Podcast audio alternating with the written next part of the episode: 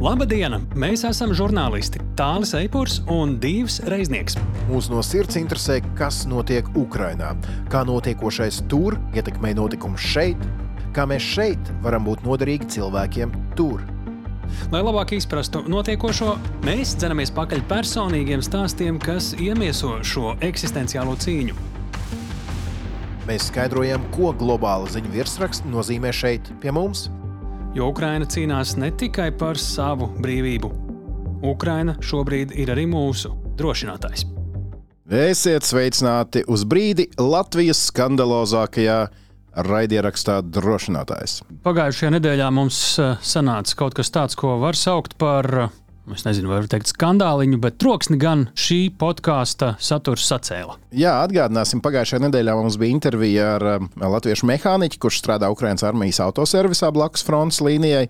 Mēs runājām, pareizāk, tu tālu runāji ar viņu ilgi un gari par mašīnām, kā sagatavot tās frontei, kā vest uz uh, Ukrainu, ko vajag vest, ko nevajag vest. Un, burtiski nu, minūtīti jūs veltījāt, tu, veltījāt faktam, uh, ka pie viņiem ir no Latvijas at, atvestas ierakumas veids, kuras īstenībā nesot labas, un viņas tur stāv aizņem telpu un netiek izmantotas. Nu, tad, jā, šis uh, fakts, kuru vēlējās izcelt arī LSMLV portāls uh, savā atsevišķā rakstiņā, uh, Un piesaistīja tas raksts kļuva par sniega bumbu, kuru vēlās, un kur patiesībā mēs arī teikt, nekontrolējām vairs situāciju kaut kādā veidā, jo tur sekoja visdažādākās atsauksmes, bet par to mēs runāsim pēc brītiņa plašāk. Skaidrs, ka tas prasa turpinājumu, un šajā epizodē mēs turpināsim. Šķetināt šo stāstu, mehāniķi sākto tematu par ierakumu svecēm. Mēs to turpināsim nevis skatoties, kurš ko kā pateicis tik daudz, bet arī. gan nu, arī. Jā. Bet uh, es gribētu vairāk vērst uzmanību uz to, ka mēs sarunāsimies ar ekspertiem, kuri ierakumu sveču gatavošanas uh, visdažādākajās niansēs ir iepētījušies un iepraktizējušies dziļāk par dziļu. Un, uh, galvenais jau atcerēsimies mūsu mērķi. Ukraina ir jāuzvar, un ja viņi uzvar, arī mēs uzvaram. Tieši tā, katrā ziņā šī būs ļoti, ļoti interesanta un uh, arī noderīga intervija, jo es pats esmu pircis uh, svaigas sveces uh, pāris kastītes lielveikalā. Uh, lai noziedotu. Tagad izrādās pēc šīs intervijas noklausīšanās uzzināja, ka patiesībā tā nauda būtu bijusi labāk tērēta nedaudz citādāk. Bet rezultāts būtu bijis tas pats. Jā. Bet tātad tas mūsu podkāstu otrajā daļā. Ja mūsu podkāstu klausāties pirmo reizi, tad tā mēs parasti darām. Mums ir viena lielā intervija, Un mums ir arī superekspertas skatījums uz uh, nedēļas uh, aktualitātēm. Tā ir Kristīna Bērziņa Vašingtonā. Arī šonadēļ šajā ziņā nekas nebūs mainījies. Runāsim ar Kristīnu par trīs dažādām tēmām - par amerikāņu lidaparātiem un krievu lidaparātiem, kas saskarās virs starptautiskajiem ūdeņiem.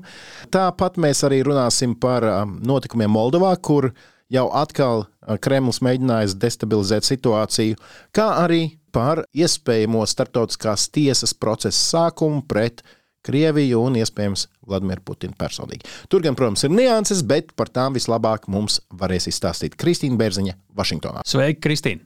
Sveika, Kristīna! Sveiki, sveiki! Šajā nedēļā divas uh, lidojošas ziņas. Pagājušās nedēļas nogalē daudz pamanīja, ka virs Baltijas jūras garām Gotlandai palidoja amerikāņu strateģiskais bumbvedējs, kas eh, var nest arī kodolieročus. Neitrālā gaisa telpā aizlidoja gandrīz līdz uh, pašai Krievijas uh, robežai. Atradās apmēram 200 km attālumā no Pēterburgas, un pēc tam strauji apgriezās un pārlidojot pāri Baltijai, devās Vācijas virzienā.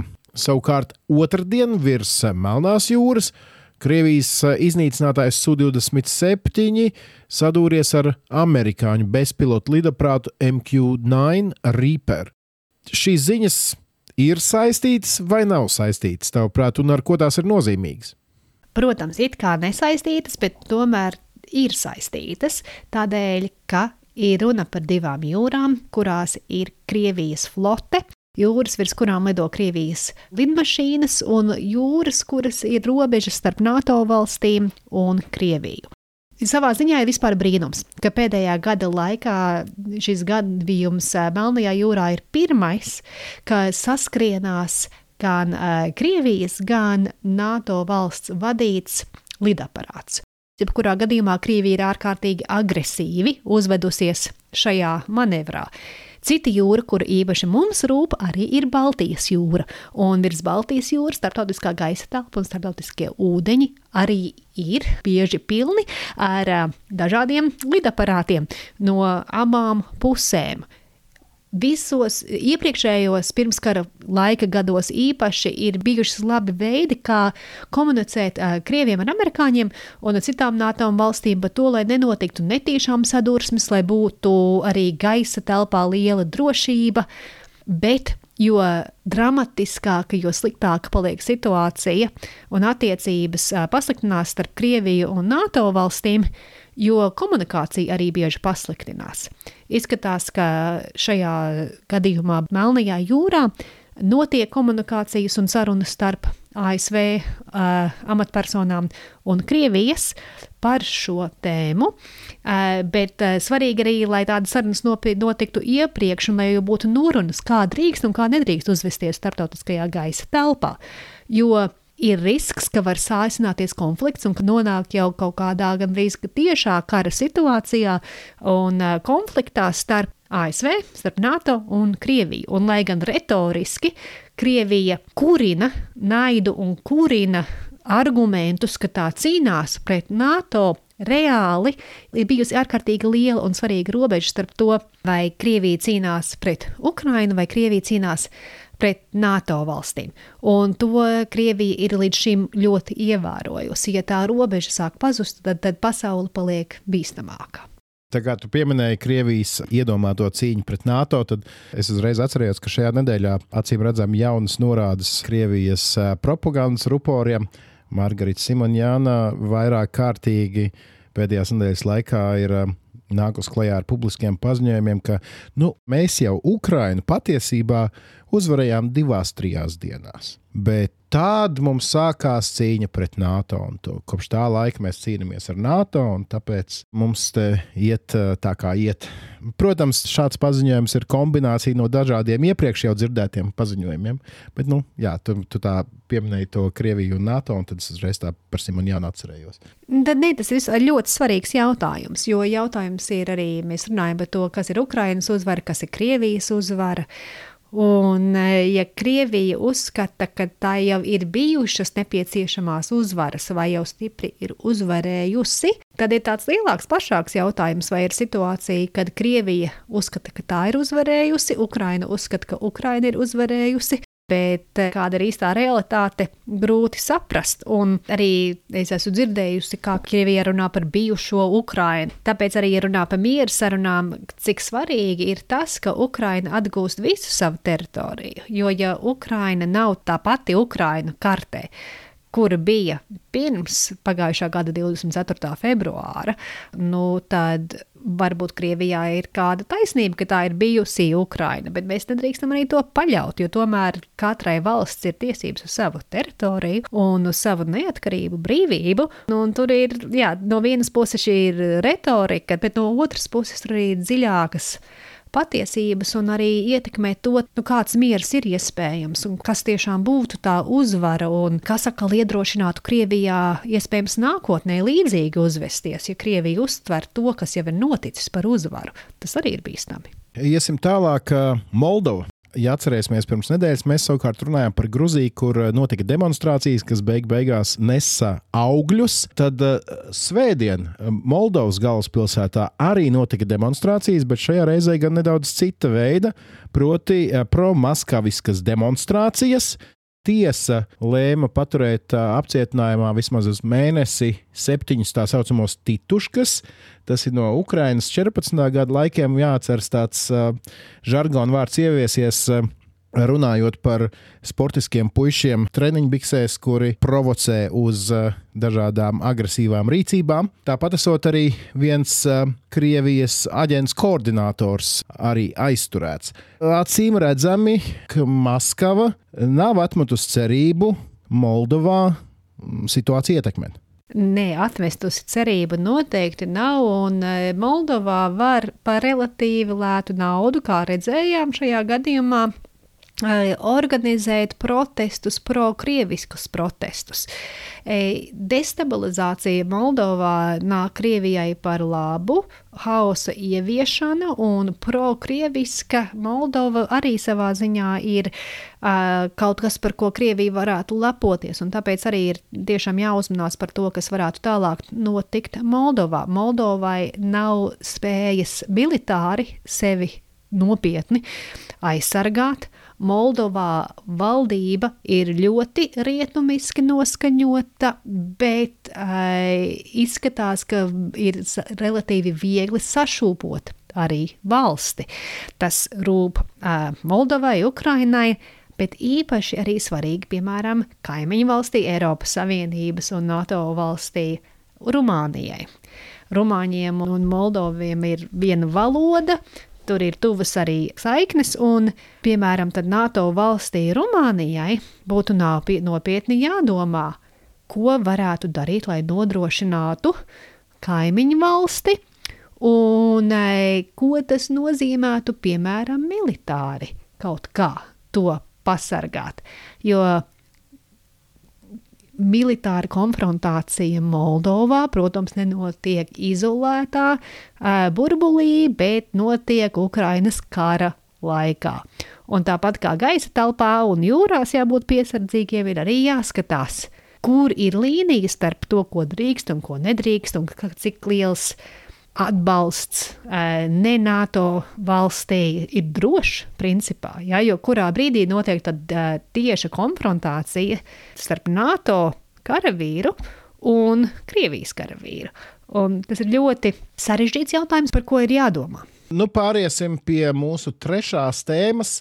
New York Times ziņo, ka Startautiskā krimināla tiesa plāno uzsākt tiesas procesu pret Krieviju saistībā ar diviem jautājumiem. Viens ir ar bērnu izzakšanu, un otrs ir apzināta civilās infrastruktūras iznīcināšana. Šis viss ir ļoti tādos um, mazos, mazos iedīgļos, vai mēs jau varam runāt par kaut ko pavisam konkrēti, ir svarīgi, ka gadu pēc bučas un citiem šausmīgiem stāstiem Ukrainā notiek arī starptautiskajās eh, tiesās procesa sākšana pret Krieviju. Ir ārkārtīgi svarīgi, ka šīs tiesas un starptautiskie procesi izmeklē un pierāda un, un pamato to, ka Ukrainā notiek ļoti briesmīgi pārkāpumi mūsu normām. Protams, Ukrāņi par to runā, bet otra lieta ir, ka tiesa vai kāda nesaistīta vara to izmeklē un to pamato. Tādā ziņā šie procesi ir svarīgi. Vai Krievija izdos apsūdzētos vai apsūdzētie tiešām piedalīsies tiesas prāvās, vai viņi pēc tam reāli nonāks cietumā. Nu, pie pašreizējās Krievijas valdības no šodienas spriežot, nu, šaubos, vai tā būs, bet tas nenozīmē, ka šim procesam nav vērtība. Jo citādāk Ukrāņi saka vienu, Krievi saka citu, kas to lai zina. Un ja ir šie neatkarīgie izmeklētāji, ja notiek process, tad tomēr tas palīdzēs arī aprakstīt, pierādīt uh, to visu, kas ir darīts Ukrainai pāri. Tādā ziņā šis ir nozīmīgi un būs jāskatās, jāturās līdzi, kā tas viss tālāk attīstās. New York Times atzīmē divus interesantus aspektus.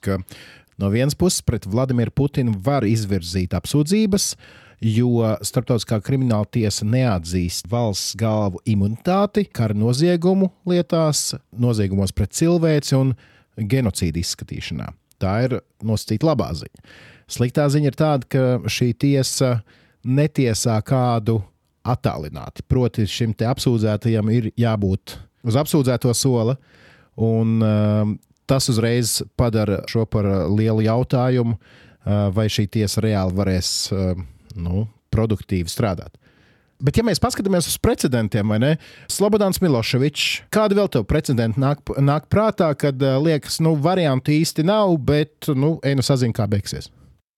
E, nu, jautājums ir, cik ilgi Putins ir pie varas, un jautājums ir, kāds arī ir kara iznākums. Tāpēc, ka tad, kad izskatās nu, neiespējami, kā kurš tagad ies, vai tiesa tagad ies Kremlī un es čupru paņems Putinu, nu nē, bet kāda tiesas arī izmeklēšanas un procesi var ļoti, ļoti ilgu laiku arī, var, arī ilgt stipri. Un bieži par to varbūt ir sūdzības, kā tas nav nu, operatīvs risinājums un tā.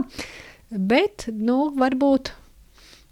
Varbūt, ja mainās situācija Krievijā, ja mainās, ja pagriežās pasaule citādāk, tad nu, ir Miloseviča piemērs, ir piemērs tam, ka tie, kuri bija pie varas un darīja pāri citiem, ka kādreiz arī viņiem ir, viņus arī sauc pie atbildības. Labi, tas arī viss šajā reizē. Lielas paldies, Kristīne! Sazvanamies pēc nedēļas. Ja? Labi, tad sazvanīsimies pēc nedēļas. Ata! Čau! Raidieraksts drošinātājs. Paldies, Dievu! Paldies, Kristīne! Kārtībā reizes trīs svarīgi temati. Es ļoti ceru, ka tie jūsu skatu ir kārtībā reizes, kā jau pēc Kristīnas ekspertīzes, tas mēdz būt pavēruši plašāku un padarījuši dziļāku, arī pēc divu ekspertīzes. Paldies! No jau, no jau. Nav par ko. Tā, gribu parunāt par Oskariem. Labprāt. Nē, mēs neesam kino apskatnieku. Nē. Raidieraksts šajā gadījumā. Bet ne... Mēs varētu.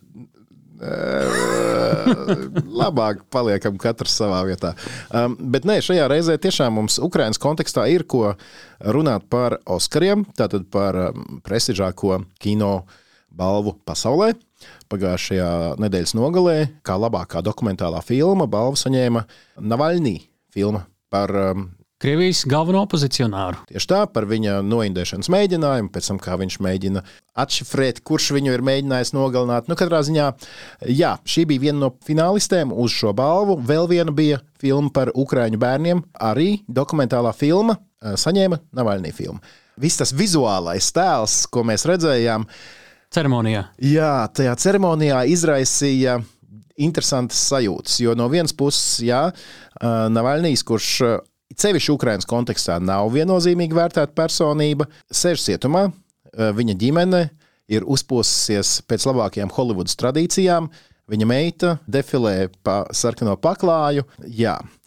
Ukrainā šis viss izraisīja lielu, lielu sašutumu vairāku iemeslu dēļ. Viens, es minēšu, bija tas, ka uz šo Oskaru ceremoniju labprāt būtu neklātienē ieradies uh, Ukraiņas prezidents. Tieši tā, uh, mēs labi zinām par Ukraiņas prezidenta komandu vienu lietu. Viņi ir uh, lieliski PR speciālisti, ņemot vērā viņa, viņu iepriekšējās dzīves, uh, un viņi mēģina paust savu vēstījumu, kur vien var.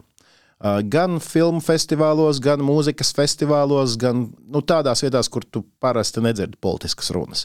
Arī šajā reizē viņi bija aicinājuši Oskara ceremonijā dot Zelenskim uh, kad minūte laika, lai viņš varētu veikt video uzrunu. Oskara ceremonijas producents teica, nu, sorry, mums te ir pasaulē daudz kari bijuši, un nu, tagad viņi baidās par to, ka mēs tagad iedosim, ja Baltijā Baltiem cīnās, ka ap, apsūdzēs rasismu. Nu, skaidrs, ka Oskara ceremonija kā šobiznesa pasākums negrib saistīties ar politiku. Jā, jā, un tad paskatāmies, kas ir nominēto sarakstā. Un, protams, ja tu skaties no Ukraiņas puses, tu redz tā, Zelenskim mums neļāva runāt, jo negrib būt politisks pasākums. Tāpat laikā Navaļnī filmai jūs iedodat balvu, kā tad ir nu, vispār politika un, un, un filmas, kā tad tur iet vai neiet kopā. Nu, te ir jautājums tāds, protams, ka šo balvu piešķir cik tur vairāk kā 5000 kino akadēmijas biedru. Mēs nevaram ielīst katru 5000 uh, galvā. Nu, viņi tur izvērtē kinematogrāfiskās kvalitātes, ne, nu, un tur bija daudz strīdu, vai tiešām šī Ukraiņas filma nav arī kinematogrāfiski spēcīgāka. Nu, jā, bet nu, katrā ziņā tā, tā ir tāda nedaudz kreisi orientēta. Par sevi viņa domā, jā, progresīvi domājoša mākslinieka ģilde, un katrā ziņā tik detalizēti, kā tas tiek uztverts Ukrajinā vai Krievijā. Krievijā, starp citu, visos oficiālajos kanālos skatoties, šķiet, ka dokumentālās filmas balva vispār netika pasniegta. Ja? Nu, jā, katrā ziņā liels skandāliņš, uh, un vēl viena lieta. Un atkal, te ir savukārt mediju pratības jautājums, kas šajā raidījumā vēl izskanēs uh, šis termins. Ja skatās, piemēram, tajā pašā Twitterī, daudzi ukrāņi teica, kā Rekur pasniedz balvu un nevienu reizi nepieminēja Ukrainu. Patiesībā filmas režisors, kurš pats ir kanādietis, nocitēja Navaļnī, kurš bija teicis, ka nu, tur iestājas pret netaisno Putina karu Ukrainā. Navaļnija sieva, kura teica arī pusminūtes garu pateicības runu, nevienā brīdī nepieminēja Ukrainu. Tas arguments ir tāds, ka nu, viņas vīrs ir cietumā, un varbūt, ja viņas vārdi būtu tādi skarbi vai netīkami, viņas vīram tiktu padarīta dzīve vēl neciešamāka cietumā. Kaut gan, ja viņš nav nogalināts šobrīd, diez vai Oskara runa būtu kā, kā ietekmēs. Bet to mēs, protams, nezinām. Tas viss ir spekulācijas. Nu, tad, protams, te uh, Dievs pateica, ka pret Navaļniju Ukrainā ir krietni atšķirīga attieksme nekā daudz kur citur pasaulē, ņemot vērā Navaļniju kādreizējos izteikumus vai pozīciju attiecībā pret Krīmas okupāciju un aneksiju. Ir vēl viena lieta, uz ko visi skatījās. Tur ieskicēju šo gozēšanos skaistās kleitās ceremonijā, brīdī, kad viņa ģimenes loceklis izcieš smagu cietumsodu Krievijā. Un viņu valsts ir nogalina cilvēkus kaimiņu valstī. Jā, un tā pašā laikā citi atkal saka, bet ko tad tai ģimenei darīt? Eh, viņiem arī līdzīgi kā Zelenskim ir jāizmanto katra platforma, jo viņu tēvs un vīrs šobrīd ir cietumā. Nu, viņi neies tur treniņu tērpos uz šo skatu. Skaidrs, te mēs tagad jau mēģinām kļūt par modes eh, podkāstu. Uh, kurā, kurā, es kā, es, kurā es kā eksperts teiktu, ka būtu varbūt melnā apģērbusies, nezinu.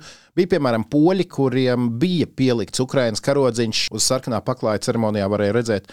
Tā kā bija varianti. Viņi šo iespēju neizmantoja, un, ja nebūtu šis kanādiešu režisors pieminējis Ukrainu, tad Ukraiņas vārds vispār nebūtu izskanējis. Bet nu, tā ir kā ir. Un pabeidzot par Navaļniju, ir jāsaprot, rietumos viņš tiek uztverts kā antiputins. Tātad Putins ir tirānija, Navaļnijas demokrātija. Savukārt, Ukrainā, kā tu pareizi pieminēji, viņš bija pret Krimas atgriešanu Ukrainai, tāpat viņš ir saucis Gruzīnas dažādos pazemojošos vārdos, un tā tālāk, un tā joprojām. Te gan ir jābūt godīgiem un jāpasaka. Pirms mēneša viņš, apmēram pirms mēneša, viņš nāca klajā ar 15 punktu izklāstu savā skatījumā par Ukrainu. Bija pieminēta svarīgākā lieta, tātad 91. gada robežas, kas nozīmē Krima Ukrainai un reparācijas uh, Ukrainai. Līdz ar to joprojām jāskatās līdzi arī mums šeit no Latvijas, kas tad īsti ir tas pats Navaļnijas, vai viņš ir Krievijas opozicionārs vai varbūt opozicionārs un Ukrainā bieži pieminētais vārds imperialists. Uh, šis jautājums, es domāju, viņam vilksies kā zīmoks Ukrainā līdzi bez gali, jo kādreiz pateiktie vārdi ir tomēr kādreiz pateikti vārdi. Nu, skaties, vēl viens interesants aspekts pēdējais, ko Ukraiņi uzsver. Tātad Navaļnija ģimene. Jūsu cilvēki un jūs jau pāris gadus cīnāties par to, lai Navaļnīkungs tiktu atbrīvots no apcietinājuma. Jums tas nav izdevies. Jums patiesībā ir vienīgā izre, vienīgās cerības jums ir uz Ukraiņas armiju, kur saka uz Krievijas armiju, un tad, kā domino efekts, tas varētu daudz ko mainīt Krievijā. Bet viss no Holivudas skandāliem pārējām pie vietējā mēroga skandāliem, ko izraisīja jūs padevīgie kalpi, divas reiznieks un tāls eipurs, pareizāk tāls eipurs sarunā ar mehāniķi Ukrainas piefrontē. Mūsu šīs epizodes paplašinātais, viens no centrālajiem tematiem. Virsrakstam varētu būt apmēram Ja, ja īsajā variantā, tad ierakums veces, ja garāk, tad kā uz Ukrajinu sūtīt pēc iespējas labākas ierakums veces. Es apzināti izvēlos tādu mazāk skandalozu virsrakstu, divus noteikti liktu skandalozāku, bet Pirms mēs sākam šo iztirzāt, es pirms jebkādiem komentāriem, kas turpmāk izskanēs, jau laikus gribu pateikt vienu. Ukrainā noder un noderēs gandrīz jebkādas jūsu taisītas, sūtītas ierakums veces. Nenāk par sliktu pirms tam pievērst uzmanību, papētīt vairāk, kā tās labāk uztaisīt, un arī zināt, kādiem nolūkiem tad Ukrainā tās tiks izmantotas. Bet uh, mēs no raidierakstu drošinātājs, uh, lai kādi arī būtu komentāri, sakām tiešām lielu un milzīgu paldies ikvienam un visiem, kur šajā procesā iesaistās. Un šeit ir arī Ļoti svarīgi pateikt šo, un jūs vēlāk arī sapratīsiet, kāpēc. Tieši tā, skaidrs, ka jebkurš, kurš iesaistās, iesaistās tāpēc, lai palīdzētu. Un tieši tādēļ man liekas, ir ļoti svarīga šīs dienas intervija, lai mēs saprastu, kā palīdzēt labāk, efektīvāk un tam līdzīgi. Bet Tātad neliela atkāpe, par ko mēs vispār šeit šobrīd runājam. Tātad pagājušajā nedēļā, kā jau minēju, Latviešu mehāniķis Ukraiņas armijas garāžā, kur intervēja tāls um, cita starpā pieminēja sekojošu lietu, ka uh, viņiem tur uh, uz vietas ir apmēram tonna no Latvijas atvestas ierakums veces, kuras vietējie karavīri, nu, kuriem tās ir sūtītas, neizmanto. Vienkārši sakot, neņem. Neņem. Paklausāmies. Mums ir stāv kāda tonna no Latvijas sveces. Viņas neviens neņem. Viņas ir uztaisīts nepareizi, jo viņas negrib ņemt, tāpēc ka viņas kūp un neizdeg līdz galam tās sveces. Facebookā es mēģināju rakstīt, tur atkal, jā, mēs taisām to sveču liešanas akcijas. Viss jau skaisti, baigi labi, bet netariet tā. Tā ir tā palīdzēšana, palīdzēšanas pēc. Tā ir pat ar tām mašīnām. Ot, es tur iedošu, deju ko, gan jau ko vajadzēs. Nu, nevajag, tāpēc, ka tas ceļš līdz šejienai jau ir nepilni 2000 km no Latvijas. Te rēķiniet, cik degvielā mēs nodedzinām. Nevajag palīdzēt palīdzēšanas pēc. Ja neziniet, pajautājiet. Redz, un te, šis bija interesants kā fakts, ja? kas uzreiz pietrūka. Pietrūka, protams, kurš veidis, kad veidis un nu, visas šīs žurnālistiskās lietas. Un šādi izskanot šādai informācijai, kur paņēma arī LSMLV kā atsevišķu rakstu, tas uzreiz izraisīja gana plašu rezonanci no ļoti svarīgiem cilvēkiem šajā visā palīdzības procesā. Tā skaitā biedrības tavi draugi. Viņi mums atsūtīja tajā pat dienā vēstuli, gana sašutumu pilnu. Un kāpēc es saku, ir svarīgi? Tāpēc, ka viņi ir bijuši starpnieki vai iniciatori un dažādu workshopu veidotāji, kur rezultātā Tavi draugi jau ir aizsūtījuši 83,000 Latvijas iedzīvotāju gatavotas šīs ierakums veces. Un tas ir gan Bahmutā, gan Hersonā, gan Luganskas, Donetskas, Zaporižģijas, Harkivas apgabalos un sildi karavīrus un ir ļoti, ļoti noderīgs.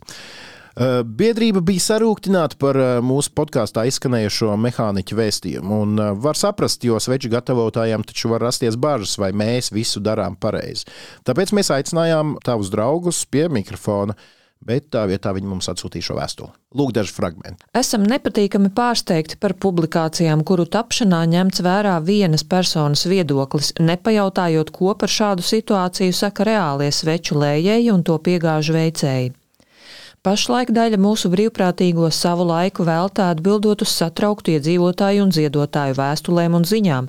Vai tiešām mūsu, mūsu bērnu un kolēģu izgatavotās sveces ir nederīgas, un viss darbs, kā arī ieguldītie resursi, ir bijuši veltīgi? Daļu laika arī pavadām sazinoties ar Ukrainas karavīriem frontē, kuri pat no uguns līnijas vēlreiz un vēlreiz apstiprina, ka ierakumu sveces joprojām ir vajadzīgas, liederīgas un ļoti noderīgas. Ierakumu sveces nav nekas jauns. Tās tiek gatavotas jau kopš otrā pasaules kara laikiem, un ir dažādas tehnikas vai pieejas, par ko arī mūsu un citu organizāciju brīvprātīgie sveču lējēji savā starpā karsti diskutē. Piemēram, satītā kartona sveces liesma ir mazāka, bet tā deg ilgāk. Savukārt svece ar kartona zvaigznīti deg ar lielāku liesmu, bet to grūtāk izmantot vējainā laikā un tā tālāk. Būtiskākais, jebkādas ierakumu sveces Ukrainas karavīriem ir vajadzīgas un noderīgas. Par to gan diskusiju nav. Lūk, neliels fragments no tava drauga vēstules mums, un te es gribētu īpaši un atkārtot uzsvērt. Jautājums jau nav par to, vai šīs sveces būtu vajadzīgas. Ir vajadzīgas, tomēr te vietā ir jautājums, ja tās ir vajadzīgas, vai tiešām tonna sveču stāvētu garāžā piefrontes līnijā. Nu, acīm redzami ir svarīgs ne tikai svece kā priekšmets, svece kā lietojams materiāls. Nu, tu par kvalitāti runā. Jā. Nu, te es varētu piebilst, ka sveces ir vienkārši dažādas. Nesot, protams, tur uz vietas, eh, nu, te tiešām būtu gan arī jāizbrauc un jāpaskatās, eh, vai jāatved viena tā svece atpakaļ un tad jāpapēt. Bet uh, pilnīgi iespējams, ka tā svece vienkārši ir citam nolūkam. Jo tās var gan sildīt, gan apgaismot. Vēl tur ir citas lietas, varbūt vienkārši tās kalpo labāk citiem mērķiem. Un uh, nu, te atkal, tai pašā laikā, ja reiz šādi es runāju, ir jautājums, vai tās ir nonākušas īstajā vietā. Nu, katrā ziņā šī saruna, kuru mēs tūlīt, tūlīt jums ļausim noklausīties, viņa par šīm ierakumu veciem atklāja ļoti daudz kā tāda, ko mēs iepriekš nezinājām. Un, un ļoti labi, ka mēs tagad to zināsim. Bet es atkal nonāku pie jautājuma, kas ir plašāks par konkrēti ierakumu vecēm. Kādas ir tās lietas, ko mēs sūtām uz Ukrajinu? Vai dažkārt nevarētu būt tā, ka labu gribēdami mēģinām sūtīt pēc iespējas vairāk, pievarot acis kvalitāti? Mums pārmet, ka nepajautājām, ko par šo situāciju domā reālie sveču lējēji un piegāžu veicēji. Bet tad ir jautājums, kura viedoklis ir svarīgāks? Vai tam, kurš sūta, vai tam, kuram tās sveces ir jālieto, kurš saka, ok, paldies, bet es viņas neredzu, kā es varētu lietot. Vai nevarētu būt tā, ka absolūti lielākais vairākums ir perfektas, brīnišķīgas, superīgas sveces, bet zinot, ka sveču veidošanā ir iesaistīti arī neprofesionāļi, un kuriem varbūt nav vienmēr klāta speci no tavi draugi vai mūsu uh, nākamie viesi, nu, ka kaut ko labu gribēdam atkal jau. Bet Labu, izdara, ne, tā, bet jo- izdara jā. nepareizi. Jo to mēs dzirdēsim arī intervijā, ka var izdarīt nepareizi, labu gribēdams. Nu, tas tas, ko mehāniķis teica arī par automašīnām, ne tikai par svecēm un, un līdzīgi. Un man arī šīs nedēļas laikā, klausoties mūsu iepriekšējo epizodi, arī nu, no Ukrainas piefrontes arī atsūtīja, jā, ka liels, liels paldies par eh, palīdzību, ko tā skaitā no Latvijas tur arī ved, eh, bet tāds eh, tiešām, nu, cik vien var kluss, kautrīgs un neaizskart nevienu mēģinošu lūgums pievērst uzmanību tam, lai tā palīdzība, nu, tomēr būtu pēc cik nu iespējams, iespējas racionālāka, lai nav jātērē eh, līdzekļi gan vedot to palīdzību, gan pēc tam laiku un eh, cilvēku resursus, ko ar to īsti tur iesākt frontē vai piefrontē. Nu, tā nebija tāda sūdzēšanās, drīzāk lūgums, jo tā darāmā frontē mēs paši saprotam un piefrontē, kā nu, tur netrūks nemaz. To pašu arī teica, starp citu, Reinis Pozņaks, ka uh, viņš saka, jā, no vienas puses viņš saka, jā, mums, vajag, mums der jebkādas mašīnas, bet te ir runa par to, ka der uh, pickups, busiņš, kravas mašīna, bet ne grausti, jo tām ir jāpārvar šie 2000 km. Un tā kā, ja jūs gribat, bet nezināt, kā palīdzēt, prasiet tiem, kuri zina. Prasiet saviem draugiem, prasiet Twitter konvojam, prasiet uh, visiem pārējiem, kuri ir iesaistīti un kuriem, protams, ka mēs esam ļoti, ļoti pateicīgi par viņu ieguldīto darbu.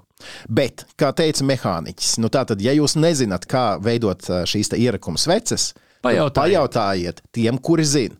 Un mēs tieši tā arī izdarījām, pajautājām tiem, kuri zina. Jā, devāmies mēs neklātienē uz jūrmalu, uz sloku. Tur uh, darbojas biedrība, kuri ierakumu sveču ražošanu ir uh, tiešām attīstījuši tā, ka to var saukt par ražošanu. Nevis vienkārši mēs te lejam sveces. Viņi ir izgatavojuši vairāk nekā 60 tūkstošus ierakumu sveču, un uh, viņi ir ļoti, ļoti dziļi šajā tēmā. Ir izpētījuši, dzirdēsiet paši, kā viņi to arī stāsta. Jāsaka, tā, ka nu, viņi arī ir bijuši dziļi aizskarti par to rakstu, kurā bija mehāniķa viedoklis. Viņiem pilnīgi radusies arī sajūta, ka tas ir apzināts, lai kādu aptraipītu. Nu, es varu skaidri un gaiši pateikt, nē, tas tā nav. Tā visticamāk ir lieta, kura nav izdarīta līdz galam, un tieši tāpēc arī mēs ar šiem diviem kungiem izvēlējāmies runāt, lai mēs pēc A pateiktu arī B. Ne, godīgi sakot, vienkārši neiedomājoties, ka tas varētu izsaukt tādu rezonanci. Jā, mēs pilnīgi netīšām uzkritām šai tēmai virsū, godīgi sakot. Un, protams, mēs varam atvainoties par to, ka netika nointervēti šeit cilvēki uz vietas Latvijā, bet nu, mēs labojam šo kļūdu un lūk, jums intervija. Es uh, šoreiz pat nepieteikšu šos kungus, jo intervijas sākumā viņi paši par sevi arī izstāstīs. Klausāmies! Raidieraksts drošinātājs. Доброго дня, добрый день, лабден. Познакомимся с кем я имею честь разговаривать и насчет каждого человека, и насчет и организации. Расскажите, пожалуйста, Я руководитель общества украинской латвийской дружбы Валерий Оленичук. И вот Никита. Да, Никита Васильев. Я в Украинско-латвийском обществе отвечаю за разработку технологий вот этих окопных свечей, о которых мы будем говорить. Я ее налаживал, ставил, и мы по ней работаем сегодня. как вы дошли до разработки свечей? Я знаю, что вы не только этого делаете для поддерживания Украины. И какая э, вкратце ваша дорога до Латвии и до этого дела? Наше общество и до полномасштабной войны мы отправляли гуманитарные грузы, отправляли машины в Украину. Но когда уже полномасштабная война началась, конечно же, мы сразу начали объединяться уже. И, естественно, большая помощь уже пошла. То есть мы были волонтерами батальона «Айдар» 2014 года. Ну а сейчас уже нашей Цволкской бумажной фабрики, где наше общество, мы, ну, то есть это место стало центром волонтерской помощи в Юрмале, где мы объединяемся, где мы начали принимать гуманитарную помощь, начали отправлять гуманитарную помощь. На сегодняшний день мы уже отправили больше 117 машин. Это и автобусы для эвакуации людей, и также э, и пикапы, и джипы для наших військовых. Немножко э, один шаг назад еще я сделаю. Откуда вы? Потому что я знаю, что ваша история непростая, как у многих. Я гражданин Украины, родом с города Северодонецка, Луганской области. Мой город уже второй раз уже под оккупацией России. Это было 14 год, и это уже 22 год. Мы, два брата, организовали общество. В 2014 году началась война. Мы активно начали заниматься волонтерством батальона «Айдар». Первая наша машина была в 2014 году отправлена нашим военным айдаровцам. А потом уже вторая, третья. То есть э, до полномасштабной войны мы отправили где-то ну, 5-6 машин, не больше. Но когда уже началась полномасштабная война, мы уже знаем, как покупать машины, как их оформлять, как их доставлять, а, как формировать грузы. То есть мы уже были к этому даже подготовлены. Мы были готовы сразу включиться в помощь. То есть это нужно срочно, значит, пикапы, это срочно надо теплые вещи, теплые носки. И люди из Юрмалы, из Риги выходили на нас, там посольство давало телефоны. То есть а, мы создали быстро на нашей Солокской паперфабрике центр гуманитарной помощи. Мы создали многоканальный телефон, чтобы принимать звонки. Когда уже пошли первые беженцы, люди, мы видим, что они тоже хотят помочь. Но им сама нужна была помощь и они хотят помогать. И мы вот с Никитой, вот с нашими друзьями думаем, давайте мы чем-то займем этих людей, у них есть большое желание помочь, и вот почему бы не делать окопные свечи, которые мы начали уже делать летом. Мы видим, что Путин уничтожает инфраструктуру, и мы знаем, что зима, она вот-вот, она уже будет рядом. И начали мы вот э, делать эти окопные свечи. Ну вот у нас такая вот, как один из проектов, то есть э, это пере, первый, это у нас проект Перемога Мобиль, который мы вот находим машины, ездим по всей Латвии. Друзья наши латыши, город Саудус, Юрмала, их ремонтируют, и волонтеры их перегоняют в Украину. А второй проект, мы уже сделали наш бренд, это «Вагонь перемоги». Мы считаем, что это год будет такой, год перемоги, то есть в этом году вся Украина, да весь мир надеется, что эта война закончится. Но вот у нас э, перемога мобиль, огонь перемоги, это вот на сегодняшний день уже 65 тысяч качественных окопных свечок мы уже отправили в Украину и отправляем. И вот и завтра будем их отправлять. И вчера мы их отправляли. Мы их регулярно доставляем. Как вы поделили свои обязанности? Один, я слышу, более организатор, один более глубже как э, технически, да, получается? Мой брат сейчас э, в Украине, также и в Болгарию ездит, э, тоже ну, занимается тоже гуманитарными делами. Никита – это наш друг. Мы познакомились в 2014 году на волонтерском мероприятии. Никита принес берцы для Украины. Вот говорит, вот у меня есть берцы, пусть они лучше поедут в Украину. Ну вот мы познакомились с ним. И вот общаемся с 2014 года. И, Никита, вы откуда? Я родом из Москвы. В Латвию я переехал в начале 2013 года, после путинской рокировки, когда мне стало понятно, как будут дальше развиваться события. И я вот с 2013 года я живу в Латвии. А после аннексии Крыма, как, когда началась война, эта война началась для меня именно с аннексии Крыма, как и для большинства украинцев. Вот. Я стал искать, э, как мне помочь. Ну, я там что-то, какие-то там когда-то деньги перечислял в украинские волонтерские фонды. Потом я нашел Валеру и его брата, и друзей с Локи. И мы с тех пор общаемся, дружим и работаем вместе. Повод, почему мы встречались в таком разговоре, э, конечно, свечи. Какие ваши первые мысли? Я знаю, что они, э, может быть, и довольно скептичные насчет вот этого, э, этих высказываний, высказываниях э, механика из фронта, но скажите их, чтобы они прозвучали. Я, в общем-то, в тот же вечер, когда мне Валера прислал вот эту ссылку на статью, которая вышла на ЛСМ, а я написал в Фейсбуке свой комментарий по поводу вот этой статьи. И я в своем комментарии начал я его с того, что, пожалуй, любая статья об окопных свечах должна начинаться со слов благодарности людям, которые их делают, со слов благодарности волонтерам. А вот уже после этих слов можно продолжить так. Вот я придумал такую технологию. Я считаю, что она лучше, потому что... А вот если эти два условия не выполнены, то такую статью в топку. ее в игнор. Она вообще ничего не стоит. И я остаюсь при этом мнении.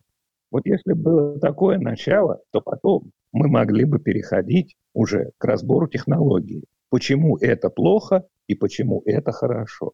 Тогда бы статья была познавательной, она была бы поучительной, и она бы оказала помощь тем, кто еще не знает и не умеет. А так в ней, я не вижу в ней как бы смысла, кроме как опорочить нашу волонтерскую деятельность. Другой задачи в этой статье я не вижу. Я не, рассмат... не просматриваю ее. Я считаю, что целенаправленно джинса, как говорят журналисты, которая призвана именно опорочить нас. Ну, сколько я знаю, это была ошибка, не сознательное действие. Нет, я думаю, что это вполне сознательное действие, и я продолжаю настаивать на том, что это сознательное действие, потому что она не была предложена как бы для обсуждения. Она была вот так безапелляционно выставлена, такая критика, огульная критика всех латвийских свечей, то есть всех латвийских производителей, всех латвийских волонтеров. И это удар по репутации Латвии а не по репутации украинцев в Латвии или там еще каких-то отдельных категорий. Это репутационный удар по Латвии, по той поддержке, которую Латвия оказывает Украине. И это целенаправленно. Да-да-да, смотрите, я вот э, полностью подтверждаю слова Никиты. Мы с Никитой это долго тоже обсуждали. Понимаете, в чем дело? Очень много людей мне скидывают эту ссылку этой статьи уже пошли даже не ссылки, а звонки уже с Украины. Понимаете, вот даже уже туда доходит. Потому что что-то происходит плохое, значит, в Латвии. Латвия не умеет делать свечки, а наши свечки уже 65 тысяч уже человек знает это, знают и украинские, и латвийские волонтеры, и наши военные, и много у нас отзывов. И они вот не понимают, почему в Латвии такие вот идут статьи. Ну вот э, Никита правильно все сказал. Тут, чтобы уже начать разбираться, кто как льет, кто в какие банки вльет, э, какую смесь туда льют, какой картон используют, это как бы не так важно. И самое печальное в этом, понимаете, нам привозят с разных самоуправлений городов Латвии, привозят гуманитарную помощь, привозят консервы, привозят машины, дарят, свечки привозят, которые дедушка с бабушкой сделали и привезли. Да, мы не пишем, что это наш продукт в огонь перемоги, но мы их упаковываем, там еще и носки теплые, там дети там рисунки положили, и мы пишем на коробке от жителей Латвии. Э, понимаете, чтобы люди это понимали. Это то, что мы с Никитой заливаем эти наши свечи уже узнаваемые, мы их уже и брендуем, чтобы они были узнаваемые наши свечи и они уже узнаваемые. А вот эти вот, которые там бабушка с дедушкой, там а, в других банках, там с другой картон, там пчелиный воск, а не парафин, мы это видим, но мы все равно же их отправляем. Вы представляете, как им сейчас неприятно читать эту статью, что механик э, написал, что такие свечи у нас просто не лежат. Ну, ну, неважно, кто их туда отправил, неважно, чьи они там лежат, Наши свечи, мы точно знаем, что они тонами не лежат где-то на складах, потому что, ну вот, мы за свои свечи, мы точно знаем, кому мы куда отправляем. Но у кого-то где-то они лежат, да, это плохо. И статья такая, ну, получилась, да. Что мы можем сделать? Мы прошлое не можем отозвать, но мы можем делать лучшее на, на, на теперь и на будущее.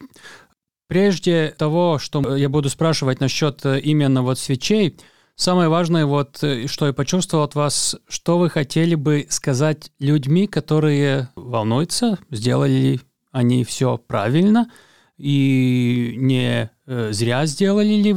Латвия первое место по помощи и в гуманитарной помощи, и в военной помощи. И та акция, которую вот наше общество проводило, вот где мы два дня, вот Никита, все наши волонтеры, которые трудятся каждую субботу в Слоке, все мы заливали э, и приглашали жителей Риги, Латвии принять участие на годовщину войны. Это были два дня, 24-25 число.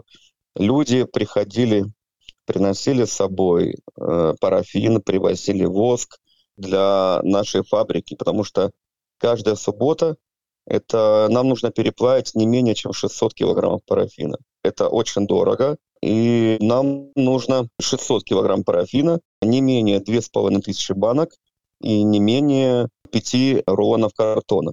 То, что делают другие организации, окопные свечи, вот я знаю, десяток, это не менее знаю, что по всей Латвии делают тоже. Конечно же, я уверен, что ну, каждая такая же организация, как и наша, они проводят свои неопыты, ну, ну, по крайней мере, они зажигают, они видят, они стараются. Они же тоже понимают, что эти свечи, они и в палатках их можно обогревать. То есть это копать дым э, в блиндажах.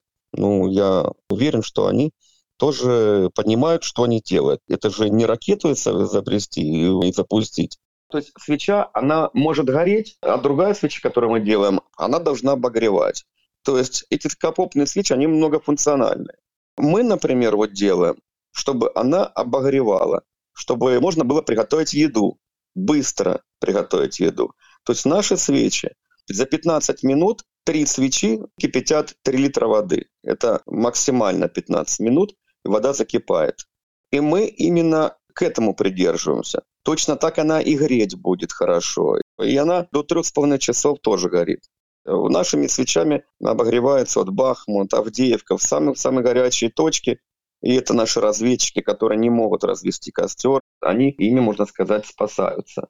Я бы хотел вернуться к людьми, которые волновались насчет вот этой статьи, звонят вам и другим организациям, и есть и организации или общины, которые волнуются, правильно ли они делают. Как вы могли их успокоить, как те, которые знают? Я знаю, что есть люди, которые подсолнечное масло туда доливают, и пальмовый воск, и там чуть ли не мыло туда засовывают, лишь бы она горела. Если ее так изготавливать, то реально нужно переживать, потому что такая свеча, она не будет гореть, она будет коптить, у нее будет еще и плотный картон там забит. То есть от этой свечи толку никакого не будет, полезного. А если человек нормально все делает, делает эксперименты, и он видит, что она и долго горит, она и хорошо греет, ну зачем волноваться? Если журналист допустил ошибку в статье, ну ее можно исправить. Я просто прошу, чтобы люди не волновались за то, что они делают. Большим спасибо, что они помогают, привозят, с нами крутят и отправляют. Честно скажу, за все наше время, я думаю, и Никита тоже подтвердит, к нам никаких претензий по поводу свечек не было. И мы и не слышали, чтобы и у других какие-то претензии были. Просто, ну, чтобы это было проще понимать, я, наверное, скажу так. Вот э, есть такая штука, украинский борщ. Его надо варить правильно. То есть любой может брать и варить украинский борщ. Но не у каждого он получится украинским борщом, таким, каким он должен быть. И со свечками такая же история. Делать их может любой, но нужно стремиться к тому, чтобы делать их хорошо. С одной стороны, я слышу, что не было плохих отзывов э, насчет свечей, которых там отправляют, но с других слов вы даете поймать, что можно и сделать не так. Конечно, можно. И что это довольно нетрудно сделать не так. Возможности разные. В этом все дело. Потому что можно сделать свечку, которая будет гореть 9 часов и будет немножко согревать э, помещение, блиндажа, например. Можно сделать свечку, на которой можно готовить еду. Это две разные свечки. Поймите, это начинается со школьного курса физики, 9-10 класс, с понятия теплота сгорания. Вот с этого момента начинается движение в сторону окопной свечи. Я вам хочу пример привести. Наши друзья с украинской средней школы Риги говорят, ребята, а, мы к вам приезжали, делали два раза уже у вас делали свечи. Мы насобирали парафин, давайте теперь вы с Никитой вдвоем приедете, ну, ну, то есть приедете вы, привезете бочки, столы, банки, бумаги и переплавим прямо в школе, сделаем такую акцию. Дети в восторге, но мы не можем всю школу пригласить, при, привезти к вам. Вы к нам приедете. И мы говорим с удовольствием. И мы с Никитой приехали. И вот дети и родители насобирали свечи. Там были и много новых свечей. Там были и огарки. И все вместе мы, мы все сварили в бочке, разлили 200 свечей мы сделали, этих окопных свечей. Ну вот их упаковали. А с посольства Украины мне звонят. У нас будет мероприятие в посольстве. Как раз вот спикер Рады приехала, э, вице-спикер Рады. И около стенда Небесной Сотни зажгли, как раз вот привезли эти вот свечи, которые дети сделали своими руками со школы. А на улице вот погода была, как и сейчас. Моросил дождь, моросил снег, и горят наши свечи. И мне вот первый секретарь Евгений подходит и говорит, Валера, а вот на другой акции, вот даже когда снег шел, они еще лучше горели. То есть они прям как факел горели. А я говорю, это объяснимо. И я говорю, это хорошо, что мы вам вот показываем, и вы сами видите, э, что такое окопные свечи. То есть какой у них состав. Почему мы с Никитой просим, чтобы нам привозили парафин. То есть мы очень благодарны жителям Латвии, что приносят эти вот остатки свечей. А многие еще и тратят огромные деньги и покупают новые свечи. И получается это, ну, еще плюс за изделия переплачивают. И там же некачественный парафин, у него температура плавления совсем другая. И мы говорим, вот есть разница. Это вот наглядно, что эти вот огарки переплавленные, если туда не добавлять чистый парафин, который мы добавляем, то свеча, она так и будет. Она будет гореть, но она будет и коптить немножко, но она и гореть будет. Соответственно, не так, как делаем мы у себя на фабрике. Вот в этом-то вся разница. То есть поэтому где-то, может быть, кто-то недовольный. Но это все зависит, конечно, от состава, что туда лить. Бумага тоже там, э, и высота банки, она тоже влияет на это. Но это все влияет уже на длительность горения. А вот сама темп- температура, вот понимаете, это вот именно от состава, что туда лить. То, что я э, стараюсь перевести на другие слова, нету непригодных свечей, но есть разные цели их использования, и если кажется, что одна свечка или тонна даже не годится для одной цели, то надо просто придумать, где их использовать э, так, как их этих свечей можно использовать. Да, сто процентов. И зачем привозить тонами, чтобы они лежали, ну, например, там в одном месте? Мне кажется, что нужно их просто как можно больше развозить. Мы не говорим, что они плохие. Просто плохо, что они лежат в одном месте и очень долго. Есть куча групп украинских, где там слезно просят волонтеры. У кого еще есть хотя бы 50 свечей, пожалуйста, отправьте нам, и почту отплатим сами. Только вот дайте, потому что мы формируем груз, и срочно нужно, чтобы они уехали. Понимаете? А тут в этой статье, ну вот лежит она тонна, никто не берет. Тут тоже немножко, ну вот мы этого не поняли. Применение найти можно всему. Использование разные.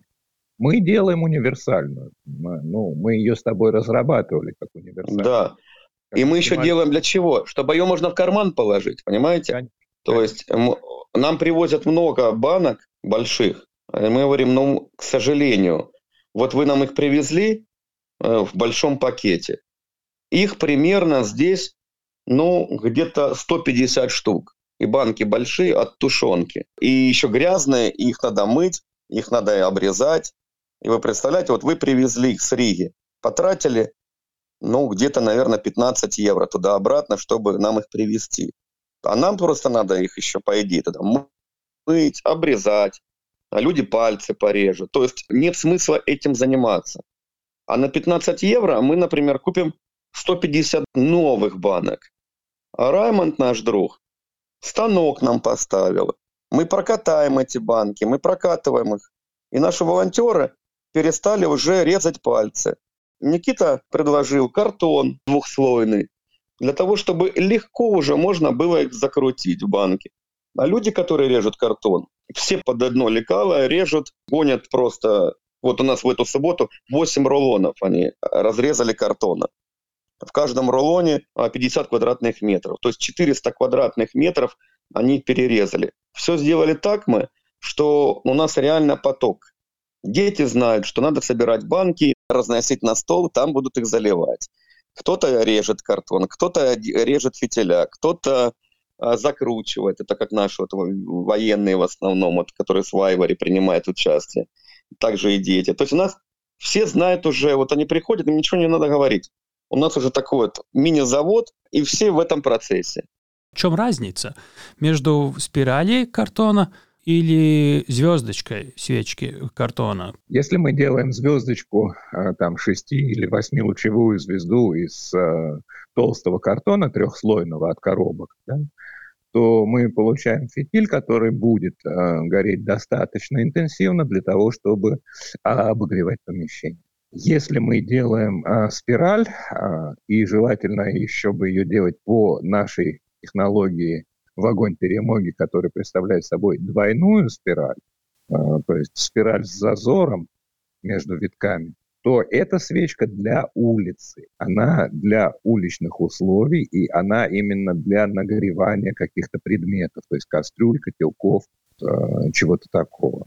У нее просто площадь отдачи как бы горючего материала больше, и, соответственно, объем энергии в единицу времени, который выделяется, он тоже больше. В этом разница. Именно в количестве энергии, отдаваемой в единицу времени.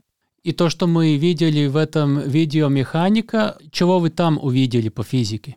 Ну, это сравнивается совсем вот разные и свечки, и закрутка, и неправильная закрутка, ну, то есть там плотная закрутка. Но это не значит, надо теперь говорить, что звездочка лучше, чем, чем не звездочка.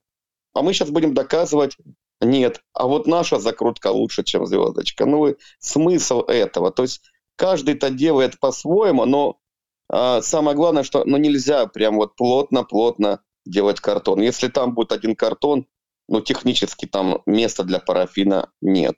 Как ни крути, там, ну, сколько, если это маленькая банка, туда влазит 150 граммов э, парафина, но зайдет только 30 грамм парафина, соответственно. Я понимаю, что мы все не расскажем никогда, но какие есть ваши советы, чего не делать и чего делать, когда кто-то приступает к свечам, он желает это делать. Сейчас будет вам короткий курс. И мы начнем с главного. Давайте мы начнем с понятия теплота сгорания, то есть того, сколько тепла отдает горючий материал в процессе своего горения. У парафина, у чистого технического парафина, у него теплота сгорания 48 мегаджоулей на килограмм. У бензина 49. То есть парафин, это, как я его называю, это твердый бензин. У пчелиного воска, у пальмового воска порядка 30. А у стеарина, из которого делают свечки, которые продаются в Икее, в Римчике, в Максиме, вот эти, у стеарина 21-22 мегаджоуля. То есть больше, чем в два раза разница. Поэтому свечки стеариновые из магазина, они не греют, они светят. Они не предназначены для того, чтобы греть. Это самое главное. Поэтому мы стараемся всегда смешивать так, чтобы у нас было две части парафина технического и не больше, чем одна часть э, вот этих свечных огарков или новых свечек из Икеи. А почему вообще разбавлять чистого парафина? Если бы у нас был чистый парафин, если бы мы смогли как бы донести до людей, что лучше пожертвовать эти э, 15-20 евро, которые ты собрался потратить в Риме на свечки, да, пожертвовать их нам на конт, а, и так, чтобы не обидеть людей, которые хотят помогать, и хотят помогать так, как они это понимают, то я был бы очень рад такое до них донести. Но мы не можем себе позволить обижать людей. Да, и говорить, что вы делаете не то, вы делаете не нужно. Мы не имеем права этого сказать, потому что мы признательны за любую помощь, которую нам оказывают. Вы вот этого сказали в самом вежливом, но прямом пути, как это возможно сказать. Спасибо вам за это. Свечки в Риме обходятся примерно в 12-14 евро за килограмм. При своей теплоте сгорания 22 мегаджоуля. А парафин со склада какой-то оптовой компании химической, он обходится где-то в 3-3,5 евро за килограмм при теплоте сгорания в 48 мегаджоулей. Вот все, я рассказал вам всю разницу этих цифр просто должно быть достаточно. Да, в нашем объеме это тонна парафина, это стоит 3,5 тысячи евро. Мы можем дать контакт, где 3 тысячи. В Литве даже за 2 тысячи евро можно купить тонну парафина. А в изделиях люди идут, покупают, и не парафин, цена 12 тысяч получается. То есть, да, вот, э, ну, кто хочет помочь, мы, мы только будем рады, что вот да. нам пожертвуют на парафин, и мы переплавим приглашаем к нам вместе кто хочет начать это делать. То есть мы же проводим и мастер-классы. Где можно узнать э, насчет ваших мастер-классов? Где можно посмотреть, какие ваши ближайшие планы? Перемога ЛВ – это наш сайт, там наши проекты. Или же в Фейсбуке страница. Бедреба Украина, он, он Украина с Драузеба. Есть довольно много таких э, свечей, которые сделаны из тех материалов, которых вы сказали, что они дорогие и не теплые, и они отправились, наверное, в Украину. Какую жизнь они там видят, эти свечи? Ну, большинство вот этих свечей, которые отправлены в Украину, вот этих в больших банках и так далее, я говорю, что они вполне годны вот для обогрева помещений. Потому что ребята военные, они делают всякие приспособления из труб, такие типа мини-буржуйки какие-то, в которых они ставят эти свечки, свечки нагревают металл, э, какой-то контейнер, трубу, и этот металл потом отдает эту энергию тепловую, он отдает ее в помещение, где они греются. Тут еще важно понимать, э, что сам по себе картон в этой свече, он не является горючим материалом. Он является только фитилем. Сквозь него как бы капиллярно выходит расплавленный парафин и сгорает на нем. Ну, с самой идеей окопной свечи ей больше ста лет. Их делали еще в Первую мировую войну. Их делали из газет и тряпок, набивая как бы да, в банки масло с воском. Вот, это было ужасно, это коптило, и их делали там из э, артиллерийских гильз, там, такие масляные лампы. Технология на месте не стоит, мы же занимаемся тоже поиском каким-то технологическим, постоянными экспериментами. Посол наш говорит, вот, Валера, сколько горит ваша свечка? Говорим, ну, даже мы не понимаем этот вопрос, Никита. Вот реально он для нас непонятен. Мы говорим, ну вот одни свечки у нас горят, вот если банка высотой 3,5 на 10 сантиметров, она горит, ну, 3,5 часа. Те, которые 5 сантиметров высотой на 10 сантиметров, они могут гореть 5 часов. Но вопрос в чем? Не горит. Мы делаем с Никитой, чтобы грели. Потому что он говорит, а в других э, организациях они хвастаются, что она горит 6-8 часов. И нам трудно послу Украины рассказать, что греет или горит. А мы должны понимать разницу между временем горения и количеством энергии, а, отданной а, в окружающее пространство.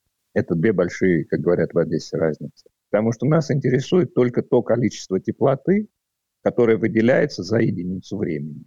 Ничего другое нас не интересует. Свечек можно взять, э, там, если вам нужно 6 часов, ну, значит, вы берете просто и сжигаете три свечки. Или вы сжигаете три свечки одновременно и варите суп на них за два с половиной часа, пока они горят. Пятилитровый кастрюле. Физику обмануть нельзя. Есть свечки да. осветительные, есть свечки длительного подогрева, а есть свечки нагревательные. Вот мы целенаправленно делаем именно нагревательные свечки. И маленькие, что карман положить.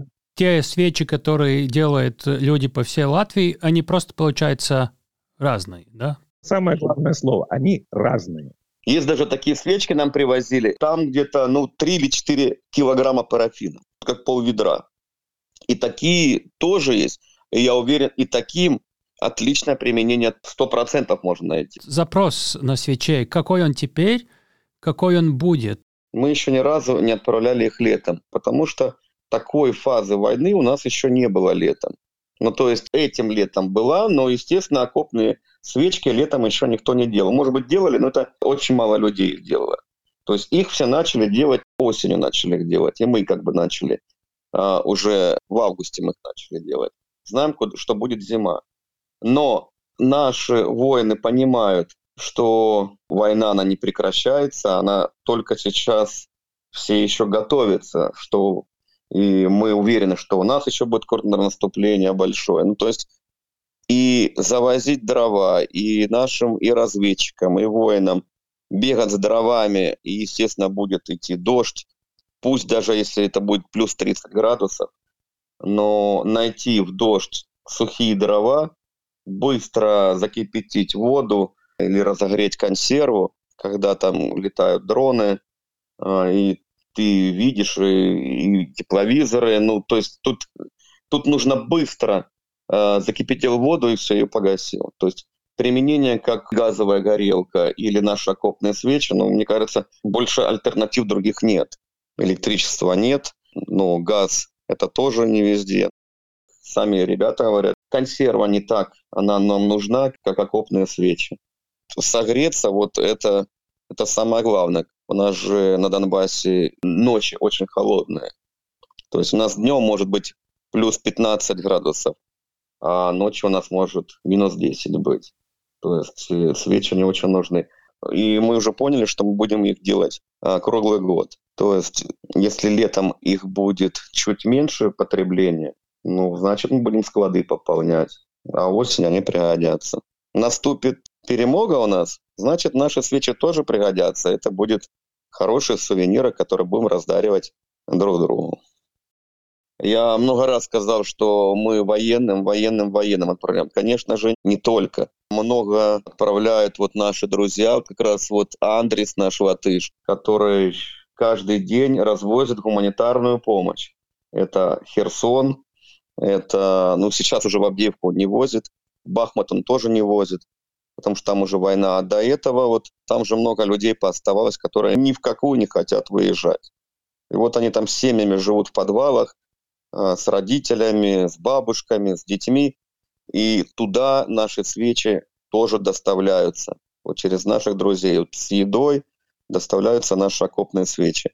Э, я знаю, что и брикеты они доставляют. То есть все доставляют именно мирным людям. То есть не только военным, чтобы люди тоже понимали, что эти свечи, они идут везде. Да, мы знаем, что мы, может быть, насчет свечей теперь немножко так странно выглядим в Латвии после этой статьи, но это тоже вы сказали, что показывает нас с другой стороны, что мы так хотим помочь Украине, что даже поссориться можем. Э, совершенно верно, да. И в Украине вот, э, когда увидят нашу статью, вот после первой статьи, Э, чтобы люди видели, что Латвия помогает всем, чем может.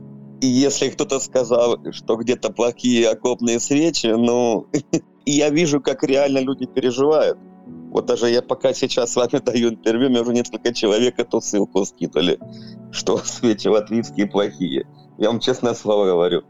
И ну, наша задача, самое главное, чтобы наших свечей с Латвии было не менее, а еще больше, чтобы они доходили там, где они очень нужны. И если, а мы уверены, что после этого интервью, и даже это хорошо, что вышло вот это вот первое интервью, что сейчас люди уже, многие задумаются, что и прислушаются и нашим советам, и сами проведут эксперименты, что чистый парафин, как Никита сказал, там сколько там джоулей, там тепла, КПД, что действительно нужно заливать в них больше качественного парафина, а не стеарина или там вот другого состава. А в Латвии после вашего интервью я уверен, что еще более качественные свечи пойдут.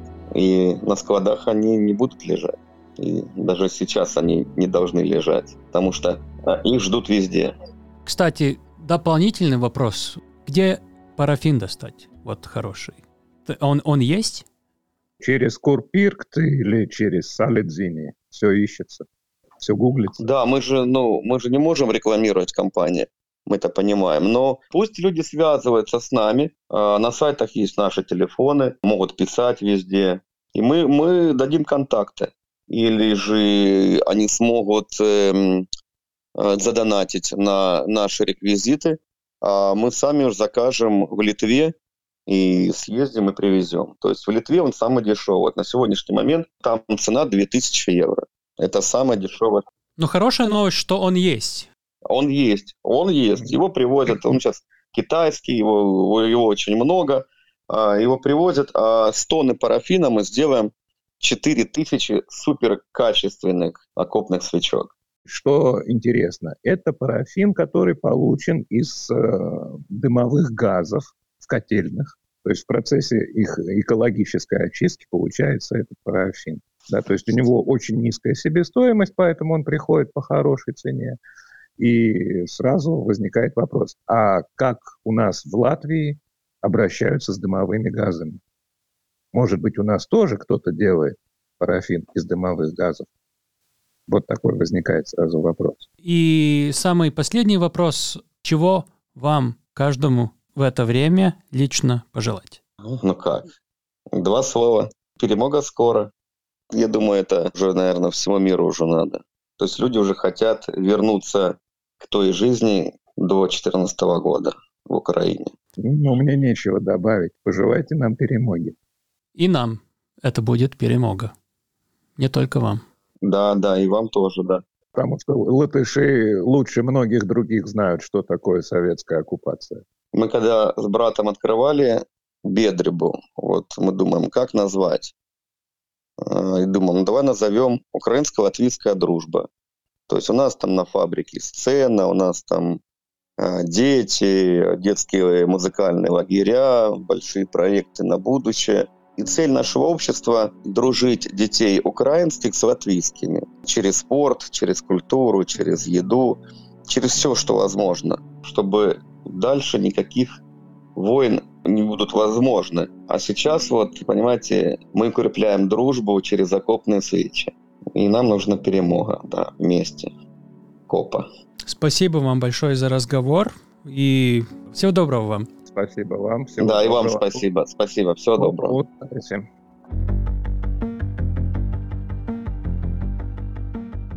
Tā bija intervija, kurā tāls Eipurs izvaicāja Valēriju Oleničuku un Nikitu Vasiljevu no biedrības Ukrainas un Latvijas draudzība. Tāli, o, man, man smadzenes burtiski mutuļot, mutuļot no tik daudz uh, svarīgas informācijas, un tiešām nu, tagad es esmu gudrāks nekā pirms pusstundas. Nu, man bija tāda reāla bauda klausīties tajā, ko viņi stāsta. Jo tur tā, nu, paši dzirdējāt, nāk viens fakts pēc otra. Es ļoti ceru, ka pēc šīs intervijas noklausīšanās Latvijā taisīs vēl labākas ierakumu sveces. Un, kas svarīgi, mēs ar Valēriju Nikitu arī vienojāmies. Iespējams, ka jums šo klausoties jau tas ir izdarīts, bet uh, podkāstu iznākšanas dienā vēl nē.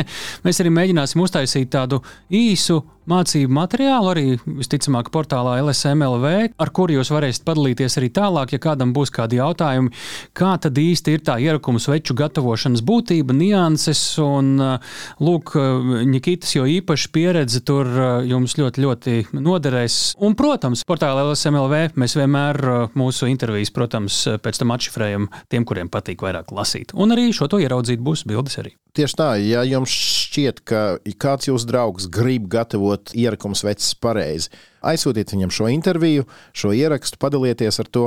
Jūs varat iet arī vīru mājaslapā, ko viņi ir izveidojuši Peremoga LV, vai arī biedrības Ukrainas un Latvijas draudzību Facebook kontā. Tur uh, arī atradīsiet informāciju. Un atcerieties, ka, nu, kā teica vīri, ir ļoti daudz vietas šobrīd frontē, kur šo sveču trūks, un tāpēc tas ir ļoti svarīgi gatavot arī turpmāk tās. Cerams, ka šī saruna jums palīdzēs arī tikt skaidrībā, kā gatavot, un atceramies pamatprincips - nepārbāzt buļģus ar kartonu pārkausējot sveces, ja iespējams, pievienot tīru parafīnu. Uh, taču jāsaprot arī vēl kaut kas. Uh, tātad būsim arī kritiski pret uh, sevi un um, savu darba rezultātu, savu ziedojumu. Un, ja jums mēģina ko teikt cilvēki Ukrajinā, ieklausāmies, nevis uzmetam lūpu. Es saprotu, ka dāvinātam zirgam zobos neskatās, bet tomēr, lai gal galā nesnāk tā, kā intervijā TV24 raidījumā preses klubs 9. decembrī teicis tavi draugi vadītājs Ulvis Noviks. Lūko. Protams, kad lūdzam, aicinam vienmēr visus izvērtēt to lietu, apģērbu, preču kvalitāti, ko jūs ziedojat. Nu, tas ir ļoti svarīgi, lai tas apģērbs, apavs vai, eh, vai siltuma elements vai jebkas, ko jūs ziedojat, nu, lai viņš ir lietojams, lai tā nav kā lieka klapata. Varbūt skan uh, mazliet nepieklājīgi, bet tiešām ir ļoti svarīgi ir tāds ātrums un tas praktiskums. Cilvēks saņem šo palīdzību ne jau izklaides pēc, jo viņam viņa vajag. Un, ja viņš nevar izmantot, diemžēl tā vairs nav palīdzība, tas jau veidojas nedaudz kā apgrūtinājums. Lūk, tā biedrības eh, tavi draugi vadītājs Ulvis Noviks. Un, uh, atcerieties, galvenais, lai Ukraiņi un mēs kopā šajā karā uzvaram. Un katrs atbalsts tāpat ir daudzkārt labāks par jebkādu neatbalstīšanu. Un mēs arī nobeigumā pavisam noteikti sakām paldies pilnīgi visiem, kuri neapstājas, turpina katrs savā veidā. Veselu rindu var saukt ziedot, liet, remontēt, krāsot, aust, adīt, braukt, visā citādi. Mēs mīlam visus, kuri mēģina tā vai citādi palīdzēt Ukraiņai. jo tas ir kaut kas tāds, kas patiesībā šajā laikā mūs visus arī vieno. Mēs ļoti labi esam iepriekšējās epizodēs redzējuši dažādu organizāciju pašaizliedzīgu iesaistīšanos. Paklausieties kaut vai mūsu sarunu ar Montu Vecozolu kādā no mūsu eppriekšējām epizodēm. Un, jā, Nu, viss šajā reizē pietiks. Liekam punktu, lai jau gatavotos nākamajai podkāstu epizodei. Un atcerieties, ka vienmēr varat mums rakstīt drošinātājs Latvijas Rādio LV. Ja apspriediet mūsu Twitterī, lieciet hashtag drošinātājs, padalieties ar šo epizodi un atcerieties! Drošinātājs skaidri un personīgi par karu Ukrajinā.